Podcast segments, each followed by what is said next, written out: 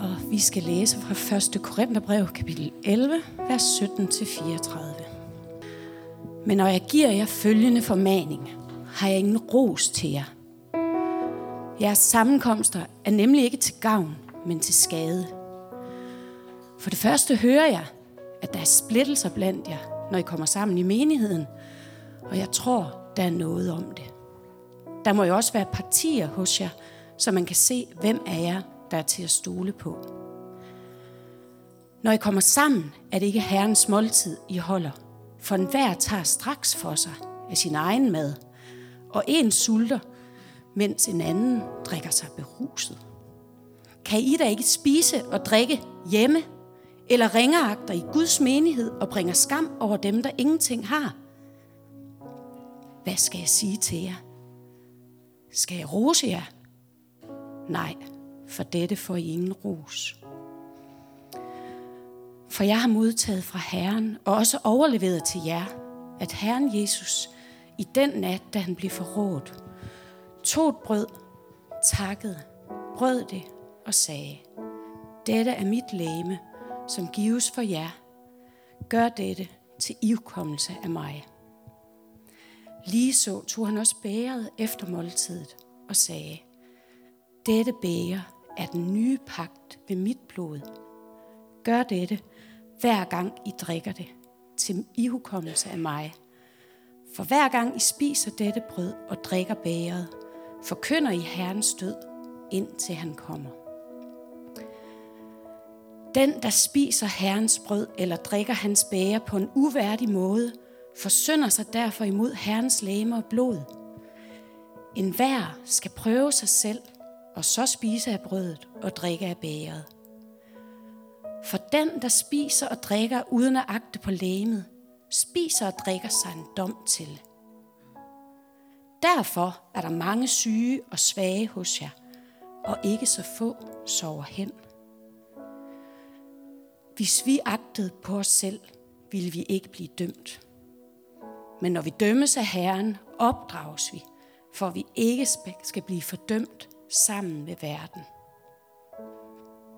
Altså, mine brødre, når I kommer sammen for at spise, skal I vente på hinanden. Hvis nogen er sulten, kan han spise hjemme, for at jeres sammenkomster ikke skal blive til dom over jer. Resten vil jeg ordne, så snart jeg kommer. Lad os bede sammen. Kom Helligånd og åbn vores ører, vores hjerter, vores øjne for det, som du vil øh, øh, gøre os opmærksom på i dag. Lad vores hjerter være god jord for det ord, som er blevet sået i dem. Amen. Vi er øh, her i Aalborg Valgmenighed i gang med at øh, læse og prædike os igennem øh, 1. Korintherbrev, som vi dumper ind midt i her i dag. Det er et brev, som er skrevet af apostlen Paulus, den kristne kirkes største og første missionær, der rejste rundt og plantede menigheder i hele Middelhavsområdet. Han havde været i den græske by Korinth, plantet en menighed, der rejste fra den for at komme videre på sin missionsrejse. Og nu skriver han et brev tilbage til den her menighed, og han tager alle mulige temaer op. Den overskrift, vi har givet vores læsning af 1. Korintherbrev, er Størst af kærligheden, fordi fra begyndelsen til slutningen er det et kærlighedsbrev. Et brev skrevet i kærlighed, om kærlighed, til kærlighed. Og nu er vi dukket ned i den her tekst, som på nogen måde kan være lidt kryptisk og som i virkeligheden øh, rejser langt flere spørgsmål, end vi har tid til øh, at adressere i en øh, relativt kort prædiken, som øh, vi har her i dag. Øh, jeg sagde lige inden gudstjenesten begyndte, da vi havde vores gudstjeneste time møde. Jeg, troede, jeg tror, at jeg helt uforberedt kunne prædike for hoften 10 timer i træk, bare ud fra den her tekst. Fordi der er så mange ting, øh, man kunne tage op. Og hvis der er nogen af jer, der har spørgsmål, øh, jeg skal nok lade være med det, bare roligt. Hvis der er nogen af jer, der har spørgsmål til den her tekst, som I gerne vil drøfte, så, så gør vi det bare bagefter.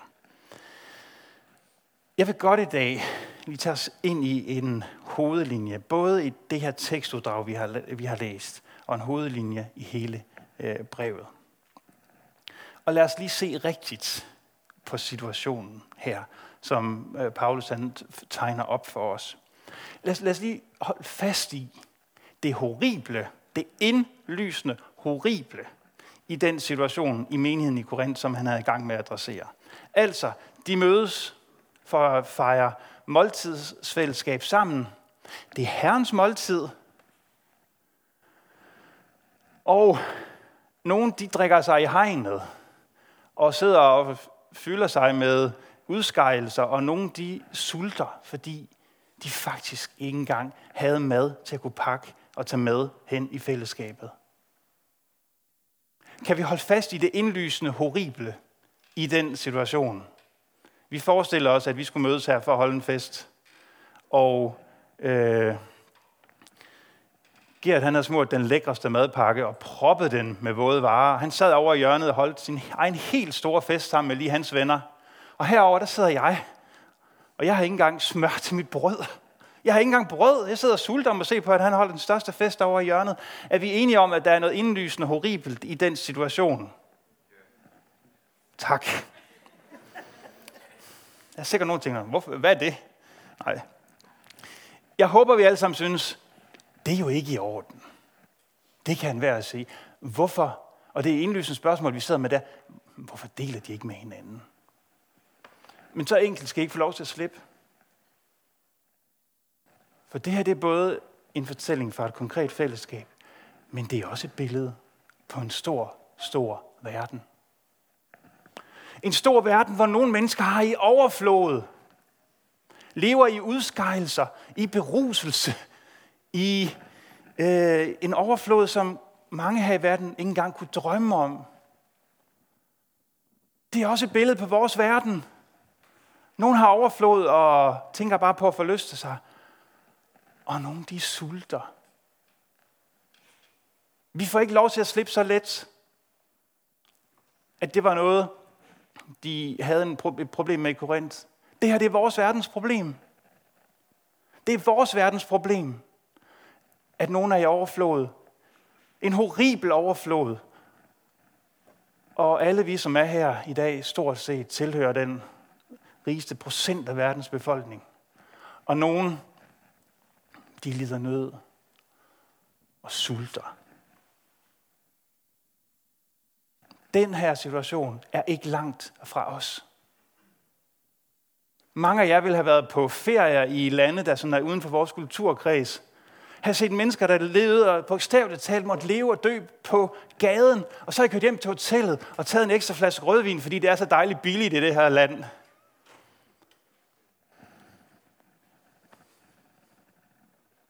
Der er noget indlysende, horribelt i den her situation. Og det er til skade for os det er helt grundlæggende til skade for os som menneskehed. Det er det på verdensplan. Det er det på gadeplan. Det er det i lokale fællesskaber. En hver, siger Paulus, tager straks for sig af sin egen mad.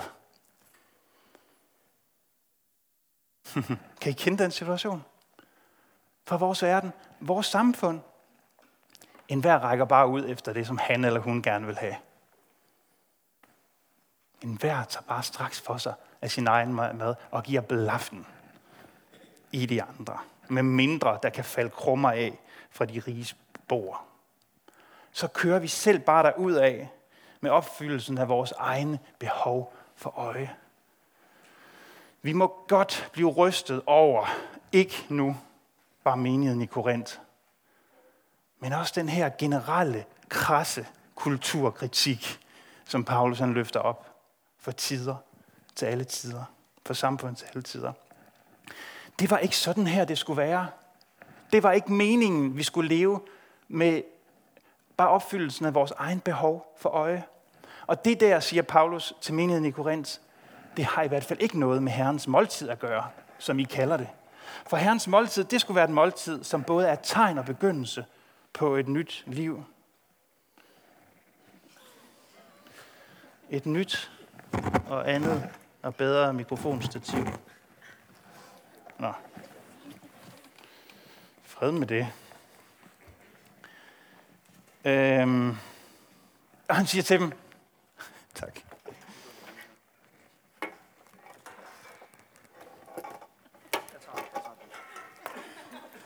Nu er den for høj.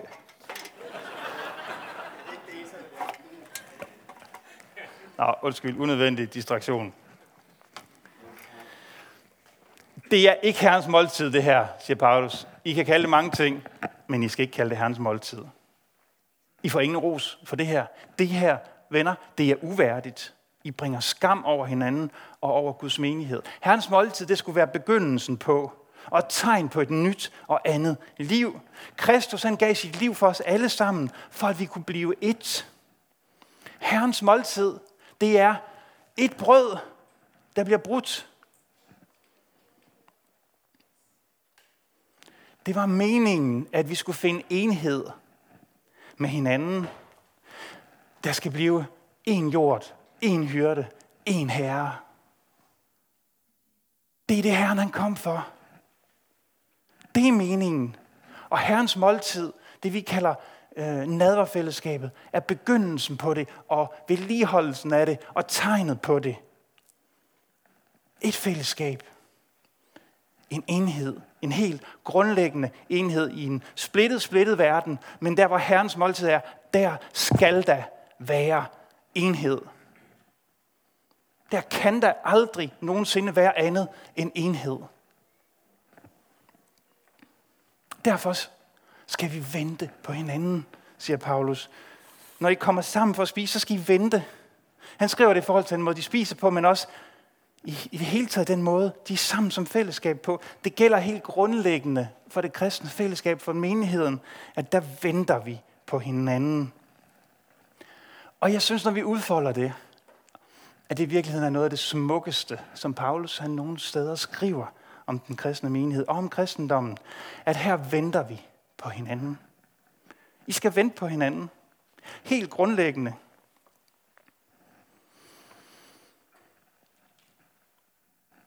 Og de fleste af os kan overhovedet ikke lide at vente. Fordi det med at vente, det er en forhindring for det, vi egentlig gerne vil. Vi skal vente på tog, vi skal vente på eh, svar på eksamen, vi skal vente på jobansøgninger. Og vi skal vente på mennesker, der er langsomme. Og det er næsten det værste. Og vi er en del af et samfund og en tid, hvor det at vente, det ikke er i høj kurs. Mildest talt. Vi vil helst ikke vente på hinanden. Vi har dårlig tid til at vente på os selv. De der hurtige forbrugslån, kviklån, man kan købe, det er jo bare et symptom på en tid, hvor vi har overhovedet ikke tid til at vente på at skulle spare op til noget som helst. Hvorfor vente, skriver de i reklamerne. Du kan bare få det nu, og så kan du betale senere. Hvorfor vente? Vores behov skal opfyldes nu. Nogle gange så er vi i vores samfund som børn, der sidder og råber og skriger ved bordet om, hvem der nu har fået mest og først og størst. Jeg er far til tre drenge. Jeg ved, hvordan det lyder. Jeg har set appelsinsodavand blive delt med så nøjagtighed, at selv et mikromillimeters lineal ikke vil kunne se forskel. Og så alligevel se det hele eksplodere i borgerkrig. Og man fatter det ikke, og alligevel så fatter man det godt. For i vores tid, i vores kultur, der har vi ikke tid til at vente. Vi skal videre.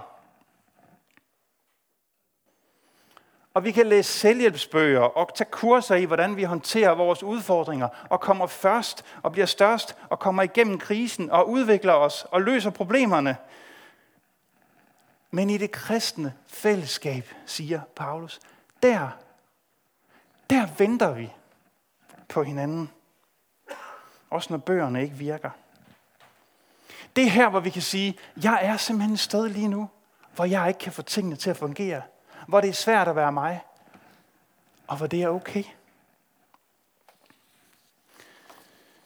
Joachim, vores lovsangsleder, hvis I gerne vil have ham startet, så skal I spørge, hvordan var det nu lige dengang, du var soldat? Så kan I få røverhistorie bagefter. Han fortalte mig, da vi talte om den her gudstjeneste, sagde han, det der, det er ligesom i hæren, hvor han var sergeant i øvrigt, og en fremragende sergeant, hvor vi hvor vi hørte øh, det der udtryk, det er sidste mand, der tæller. Altså, ingen patrulje er kommet i mål, før patruljens sidste mand er i hus. Det er det, Paulsen skriver her. Sidste mand tæller. Der er ingen sårede, der skal efterlades i en kristen kirke. Og det er altså ikke forstå som den sidste og den sures tyranni.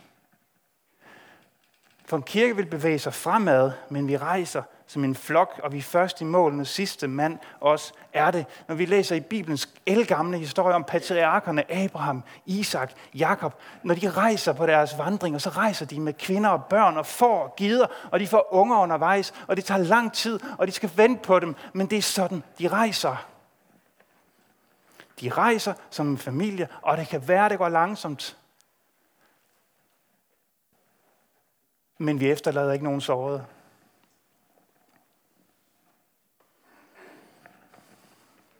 Det gør man til gengæld alle mulige andre steder. På arbejdspladser, uddannelsessteder. Det er første mand, der tæller. Det er første mand, der tæller. Måske er det derfor, vi nogle gange bliver syge af at gå på arbejde. Paulsen taler her om en kærlighed, der er stor nok til at kunne vente. At elske nogen nok til faktisk at vente på dem. Både i et fællesskab, i de nære relationer, i de kulturer, vi skaber omkring os. Hvordan agerer vi over for hinanden i en situation, hvor vi faktisk skal vente på hinanden? Hvordan er man leder? Hvordan er man medmenneske? Hvad vil det sige at vente, med, at vente på hinanden? Der er helt sikkert mange af os herinde, som kæmper med troen og tvivlen, og det bliver ikke lige bedre over natten, eller når vi har læst den der åndelige gør det selvhjælpsbog, som skulle sætte det hele på plads. Eller du går igennem en svær tid i dit liv. Du kan, ikke, du kan ikke performe på det niveau, hvor du synes, du hørte hjemme. Tingene lykkes ikke for dig. Det kan være, at I to, der elsker hinanden, og I skal egentlig vente på hinanden, men kan ikke finde ud af det. Kan vi se billedet af sidste mand? Det er sidste mand. Det er ham, der er sakket bagud. Hvad går vi glip af, også som fællesskab, hvis vi ikke lytter til, hvad han har at fortælle? Hvilken begrænsning er det for vores fællesskab? Hvad man han har set, fordi han ikke gik så stærkt? Hvilke historier går vi glip af, hvis hendes historie ikke bliver hørt? Hende, der gik sidst, eller gik vild i skoven, eller vi kan leve med sådan en grund utålmodighed i os. En utålmodighed over for os selv og over for andre. Men når vi har med Gud at gøre, så har vi ikke med en utålmodig Gud at gøre. Og Guds tålmodighed kan nogle gange være det sværeste overhovedet for os at håndtere og acceptere. At Gud er en langsom Gud. Forstået på den måde, at Gud er en tålmodig Gud. Der findes nogen, der taler om slow theology. Og jeg synes egentlig, det er et smukt udtryk. En langsomhedens teologi. Gud han har ikke så travlt, som vi har. Ham, som har set tidernes begyndelse og tidernes slutning, han har ikke travlt. Men det kan være svært for os at forstå, og det kan være svært for os at forstå, at Gud han ikke er utålmodig over for os. For nogle gange lever vi i nogle gange tænker vi sådan over for Gud. Nogle gange har vi det billede, bærer vi på det billede af Gud, at han har en grundlæggende utålmodighed over for os, fordi det er sådan, vi har det med ham, og måske andre mennesker også. For nogle år siden, da min, et af mine, en af mine drenge øh, stadigvæk ikke var så skarp i at binde sin egen snørebånd, da sad vi, øh, der skulle jeg køre mod til en legekammerat, og han sidder derude på trappen, øh, og er ved at øh, fumle med det snørbånd, og jeg begynder, jeg tænker, jeg går lige ud og kører bilen frem. Og da jeg så åbner døren, så siger han, far, du kører ikke uden mig, vel? Du må ikke tage sted uden mig. Og, og da jeg hørte det i den situation, så begyndte jeg bare at le, fordi jeg synes, det var så sjovt. Jeg kunne se det komiske, jeg blev så irriteret over at stå der og vente på ham, at jeg bare kørte ud til legekammeraten. Og så sagde jeg, hej, jeg vil bare sige, Sebastian han kommer ikke i dag, fordi han var for langsom. Og det, jeg, jeg måtte bare le højt, og jeg Det er ikke usandsynligt, at jeg har signaleret utålmodighed. Tålmodighed er ikke en af mine dyder. Men jeg øver mig. Og jeg synes kun, jeg er utålmodig, når folk de er helt urimelig langsomme. Men i hvert fald, så siger jeg til Sebastian, som det er, selvfølgelig vil jeg vente på dig. Jeg skal da ingen steder uden dig. Det var en af mine overskudssituationer. Og, og da jeg havde sagt det til ham, så stod det mig, at det var sådan, Jesus han har det med mig. Nogle gange kan jeg godt sidde der og ikke kan fumle, fumle med snørebåndene, kan ikke finde ud af mine ting. Og jeg kan blive bange. Jeg kan få den der grundutålmodighed, der rejser sig i mig og siger, Jesus, du, du tager ikke nogen steder, vel? Venter du? Frygten for, at når jeg engang så får ordnet det her, så er han nok taget sted, fordi han havde noget andet, han skulle et sted. Og så var det som om, at jeg kunne høre Jesus le. Jamen, Jesper, jeg skal der ingen steder uden dig. Kan du ikke se, hvor komisk det ville være, hvis jeg, som har aflagt min himmelske herlighed langt mere, end du nogensinde ville fatte, jeg har aflagt den for at komme her og være sammen med dig. Og så fordi du fumler med din snørbånd, så bliver jeg sur og irriteret og tager afsted igen. Du er grunden til min rejse. Jeg skal ingen steder uden dig. Og nogle af jer har måske virkelig brug for at høre det. Hør det, som Guds tålmodighed siger til os. Han skal ingen steder uden dig. Hvis der er nogen, der er utålmodige, så er det ikke ham, men dig. Uanset hvad du bøvler og bamler med i dit liv. Og jeg tænker, måske er det derfor, at Herren tøver med at komme igen. I den kristne tro, så tror vi på, at Jesus en dag skal komme igen. På himlens skyer og dømme levende og døde, og verdenshistorien, som vi kender den, vil være forbi.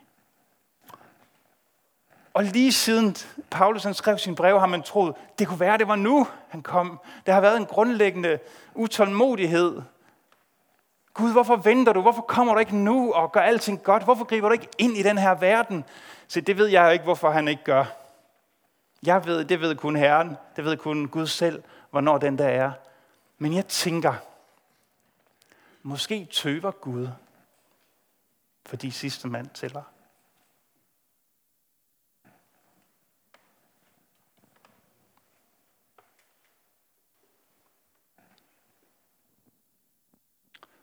Måske er Gud tålmodig, fordi han har kærlighed til sidste mand.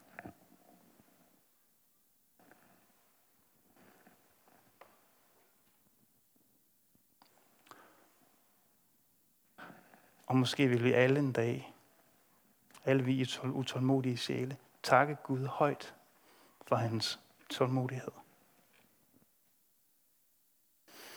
Paulsen skriver det her brev. Størst er kærligheden. Men hvad er kærlighed, må vi spørge. Gud er kærlighed. Gud er den, der fylder det her ord med mening, og vi skal høre den, vi skal høre 1. Korintherbrev 13 sunget for os nu. Som vi kalder kærlighedens højsang. 1. Korintherbrev 13 bliver ofte brugt til bryllupper, og det, det, det er meget fint, og det kan også godt være passende. Men vi skal bare vide, at et bryllup mellem en mand og en kvinde var ikke overhovedet, hvad Paulus havde i tankerne, da han skrev 1. Korintherbrev 13. Han havde Gud for øje. Han havde ikke for øje, hvordan to romantiske sjæle skal øh, agere over for hinanden, selvom det også bliver et billede, og et smukt billede, og et smukt tegn på det. Men Paulsen skrev 1. Korintherbrev 13, fordi han havde Gud for øje. Ikke fordi, at vi skulle høre, hvordan vi skulle være over for hinanden, men hvordan Guds væsen er over for os. Paulsen skriver den her hyldest til kærligheden til Gud, for at spejle korinterne i deres egen praksis. De er ikke tålmodige, de praler, de hisser sig op, de søger deres eget, de bærer af, de tåler intet, de udholder intet, de tror intet, og de håber intet. De finder ikke frem til kærligheden i deres egen hjerter eller i deres egen selvudviklingsprojekter. De finder ikke frem til kærligheden ved at følge deres lyster eller instinkter eller mavefornemmelser. Det gør vi heller ikke. Vi kærlighedshungrende skæbner finder den hos ham, der gav sig selv for verden. Den Gud, der siger om sig selv, at han er kærlighed. Ham, der ventede på verden. Ham, der stadig venter. Ham, der behandler verden og os med uendelig tålmodighed. Den Gud, der råber, sidste mand tæller. Jamen så fat det dog. Sidste mand tæller. Må det råb følge dig igennem dit liv og din død. Må du høre det sagt til dig på dine hurtigste dage, hvor du spænder afsted i solskinnet. Og må det råb nå dig, og må det være livligt for dine ører på dine langsomme dage. På de dage, hvor du sakker bagud, når dine kræfter æbber ud, når du ikke kan være med mere, når dit sind og din krop begynder at vakle. På den dag, der skal det stadigvæk viskes og råbes til dig. På den dag, som i dag, fra ham, der på korset gav sig selv for vores skyld. Og opstod til liv og herlighed. Sidste mand tæller. Du tæller. Og Gud venter. Det første, der siges om, den, om kærligheden i den sang, som Sofie vil synge for os nu, det er, at kærligheden er tålmodig. Og det er Gud også. Amen.